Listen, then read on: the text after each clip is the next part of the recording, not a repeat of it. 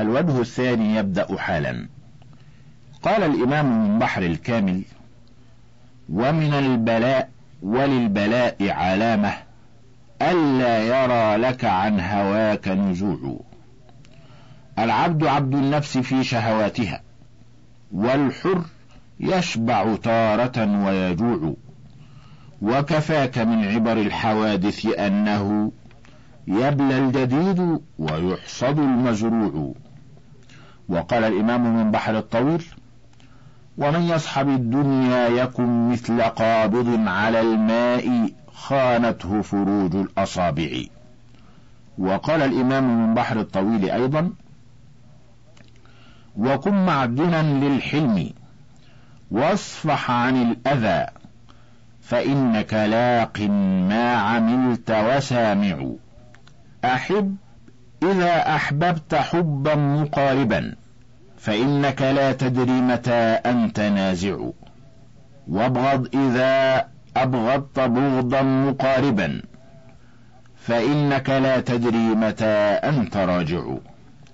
وقال الإمام علي من بحر الكامل المجزوء الفضل من كرم الطبيعة والمن مفسدة الصنيعة والخير أمنع جانبا. من قمة الجبل المنيعة والشر أسرع جرية من جرية الماء السريعة.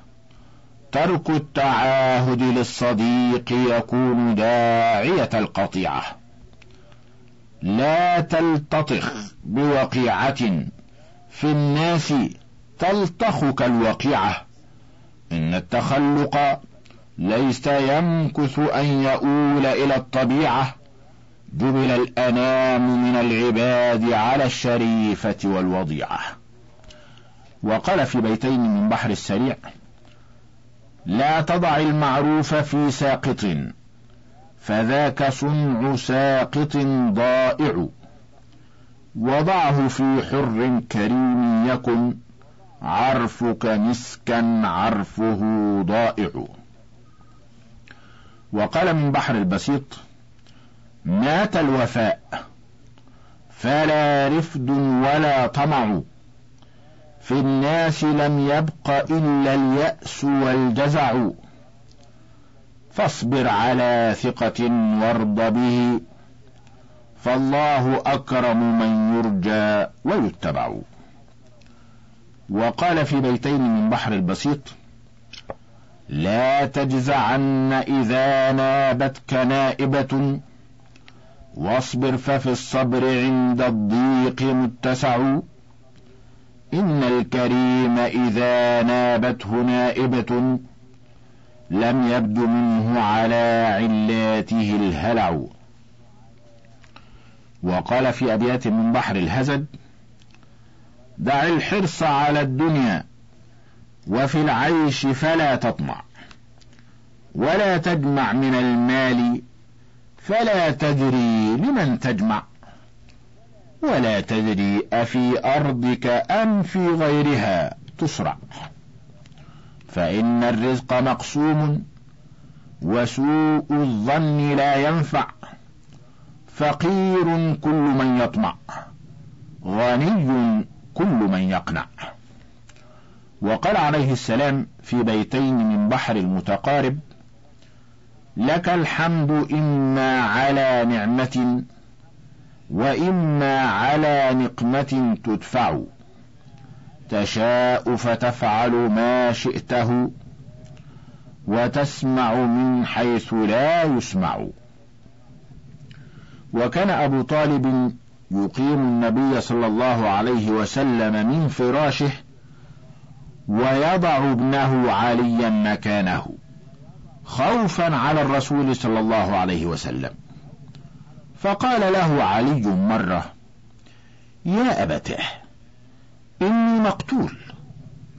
فقال أبو طالب في أبيات من بحر الخفيف اصبرا يا بني فالصبر أحجى كل حي مصيره لشعوب قد بلوناك والبلاء شديد لفداء النجيب كابن النجيب لفداء الأغر الحسب الثاقب والباع والفناء الرحيب.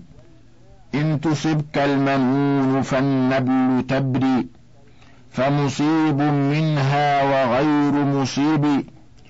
كل حي وإن تملأ عيشا آخذ من سهامها بنصيب فأجابه علي من بحر الطويل أتأمرني بالصبر في نصر أحمد؟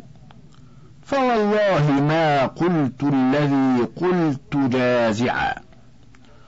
ولكنني أحببت أن ترى نصرتي لتعلم أني لم أزل لك طائعا. وسعي لوجه الله في نصر أحمد نبي الهدى المحمود طفلا ويافعا.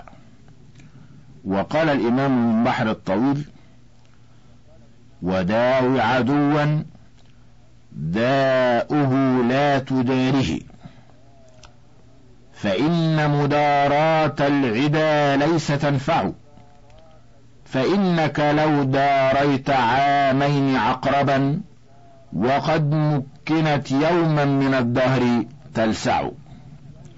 وينسب إليه من بحر الطويل. ذنوبي إن فكرت فيها كثيرة. ورحمة ربي من ذنوبي أوسع. فما طمعي في صالح قد عملته. ولكنني في رحمة الله أطمع. فإن يك غفران فذاك برحمة. وإن لم يكن أجزى بما كنت أصنع. مليكي ومولائي وربي وحافظي وإني له عبد أقر وأخضع. وينسب إليه مجزوء الكامل قصر الجديد إلى بلا والوصل في الدنيا انقطاعه. أي اجتماع لم يصر لتشتت منه اجتماعه؟ أم أي شعب لالتئام لم يفرقه انصداعه؟ أم أي منتفع بشيء ثم تم له انتفاعه؟ يا بؤس للدهر الذي ما زال مختلفا طباعه قد قيل في أمثالهم يكفيك من شر سماعه. وينسب إليه من بحر الطويل لك الحمد يا ذا الجود والمجد والعلا تباركت تعطي من تشاء وتمنع. إلهي وخلاقي وحرزي وموئلي. إليك لدى الإعسار واليسر أفزع. إلهي لئن جلت وجمت خطيئتي فعفوك عن ذنبي أجل وأوسع. إلهي لئن أعطيت نفسي سؤلها فها أنا في أرض الندامة أرتع. إلهي ترى حالي وفقري وفاقتي وأنت مناجاتي الخفية تسمع. إلهي فلا تقطع رجائي ولا تزغ فؤادي فلي في سيب جودك مطمع. إلهي لئن خيبتني أو طردتني فمن ذا الذي أرجو ومن لي يشفع؟ إلهي أجرني من عذابك إنني أسير ذليل خائف لك أخضع. إلهي فآنسني بتلقين حجتي إذا كان لي في القبر مثوى ومضجع. إلهي لئن عذبتني ألف حجة. فحبل رجائي منك لا يتقطع. إلهي أذقني طعم عفوك يوم لا بنون ولا مال هناك ينفع. إلهي إذا لم ترعني كنت ضائعا. وإن كنت ترعاني فلست أضيع. إلهي إذا لم تعفو عن غير محسن فمن لمسيء بالهوى يتمتع. إلهي لئن فرطت في طلب التقى فها أنا أثر العفو أقفو وأتبع. إلهي لئن أخطأت جهلا فطالما رجوتك حتى قيل ها هو يجزع. إلهي ذنوبي جازت الطود واعتلت وصفحك عن ذنبي أجل وأرفع. إلهي ينجي ذكر طولك لوعتي وذكر الخطايا العين مني تدمع. إلهي أنل لي منك روحا ورحمة فلست سوى أبواب فضلك أقرع. إلهي لئن أقصيتني أو طردتني فما حيلتي يا رب؟ أم كيف أصنع؟ إلهي حليف الحب بالليل ساهر ينادي ويدعو والمغفل يهجع. وكلهم يرجو نوالك راجيا لرحمتك العظمى وفي الخلد يطمع. إلهي يمنيني رجائي سلامة وقبح خطيئاتي علي يشيع. إلهي فإن تعفو فعفوك منقذي. وإلا فبالذنب المدمر أسرع. إلهي بحق الهاشمي وآله وحرمة إبراهيم خلك أضرع. إلهي فانشرني على دين أحمد تقيا نقيا قانتا لك أخشع. ولا تحرمني يا إلهي وسيدي. شفاعته الكبرى فذاك المشفع.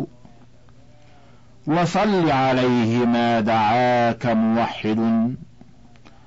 وناجاك أخيار ببابك ركع.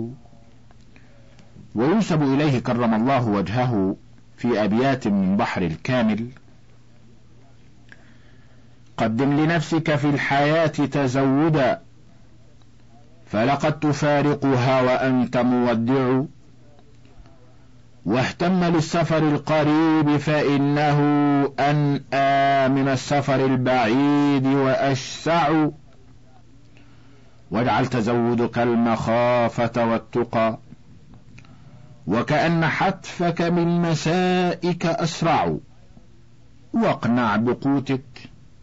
فالقناع هو الغنى والفقر مقرون بمن لا يقنع. واحذر مصاحبة اللئام فإنهم منعوك صفو ودادهم وتصنعوا أهل التصنع ما أنلتهم الرضا وإذا منعت فسمهم لك منقع لا تفش سرا. ما استطعت إلى امرئ يفشي إليك سرائرا يستودع فكما تراه بسر غيرك صانعا فكذا بسرك لا محالة يصنع. لا تبدأن بمنطق في مجلس قبل السؤال فإن ذلك يشنع. فالصمت يحسن كل ظن بالفتى ولعله خرق سفيه أرقع ودع المزاح فرب لفظة مازح جلبت إليك مساوئا لا تدفع. وحفاظ جارك لا تضعه. فإنه لا يبلغ الشرف الجسيم مضيع. وإذا استقالك ذو الإساءة عثرة فأقله. إن ثواب ذلك أوسع. وإذا اؤتمنت على السرائر فاخفها. واستر عيوب أخيك حين تطلع. لا تجزعن من الحوادث. إنما خرق الرجال على الحوادث يجزع. وأطع أباك بكل ما أوصى به. إن المطيع أباه لا يتضعضع. وينسب إليه في بيتين من بحر الطويل. تجوع فإن الجوع من عمل التقى وإن طويل الجوع يوما سيشبع.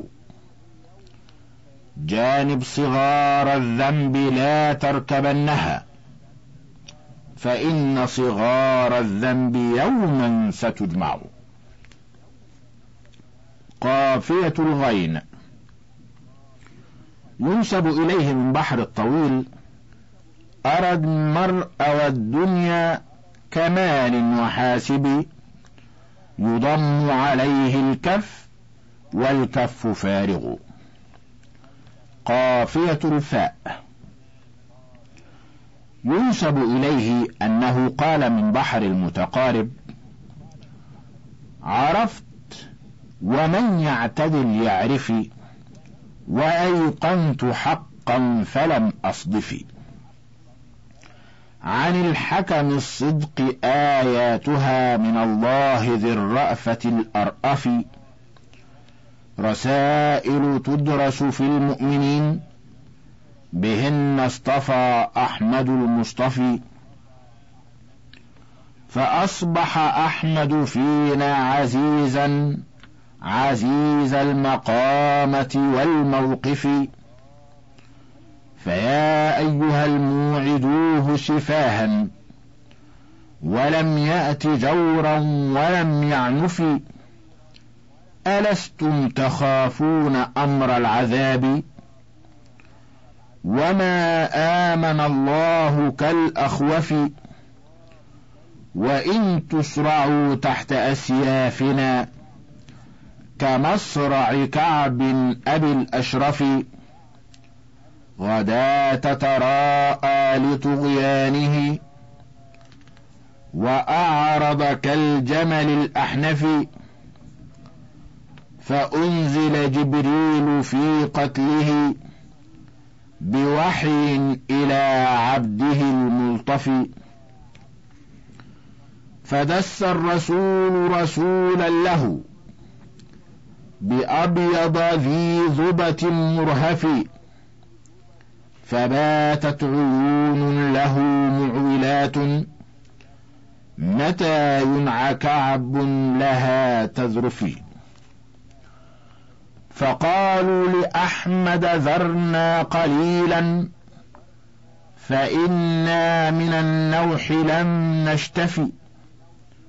فأجلاهم ثم قال اضعنوا.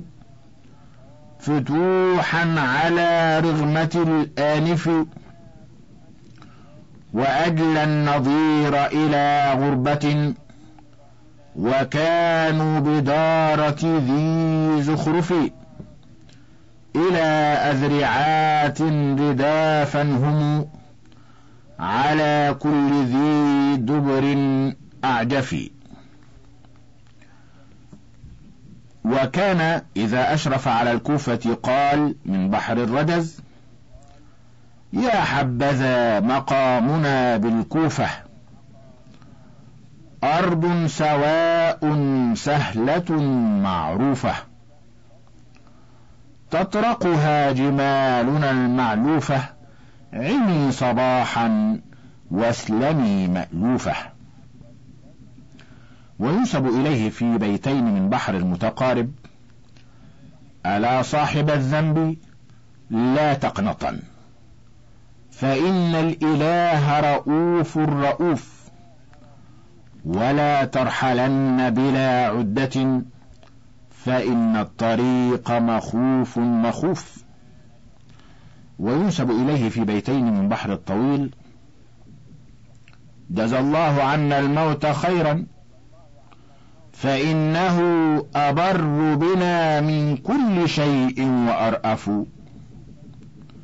يعجل تخليص النفوس من الأذى ويبني من الدار التي هي أشرف. وينسب إليه من بحر المنسرح. ما لي على فوت فائت أسف. ولا تراني عليه ألتهف. ما قدر الله لي فليس له. عني إلى سواي منصرف. فالحمد لله لا شريك له. ما لي يقوت وهمي الشرف. أنا راض بالعسر واليسار. فما بدحاني ذلة ولا صلف. وينسب إليه في بيتين من بحر البسيط. لا تبخلن بدنيا وهي مقبلة. فلن ينقصها التبذير والسرف. وإن تولت فأحرى أن تجود بها. فالجود فيها إذا ما أدبرت خلف قافية القاف. قال الإمام من بحر السريع اغن عن المخلوق بالخالق واغن عن الكاذب بالصادق واسترزق الرحمن من فضله فليس غير الله من رازق. من ظن أن الرزق في كفه فليس بالرحمن بالواثق. أو ظن أن الناس يغنونه زلت به النعلان من حالق وقال الإمام في بيتين من بحر المتقارب رضيت بما قسم الله لي وفوضت أمري إلى خالقي. كما أحسن الله فيما مضى كذلك يحسن فيما بقي. وينسب إليه من بحر الوافر أرى الدنيا ستؤذن بانطلاقي مشمرة على قدم وساق فلا الدنيا بباقية لحي ولا حي على الدنيا بباقي.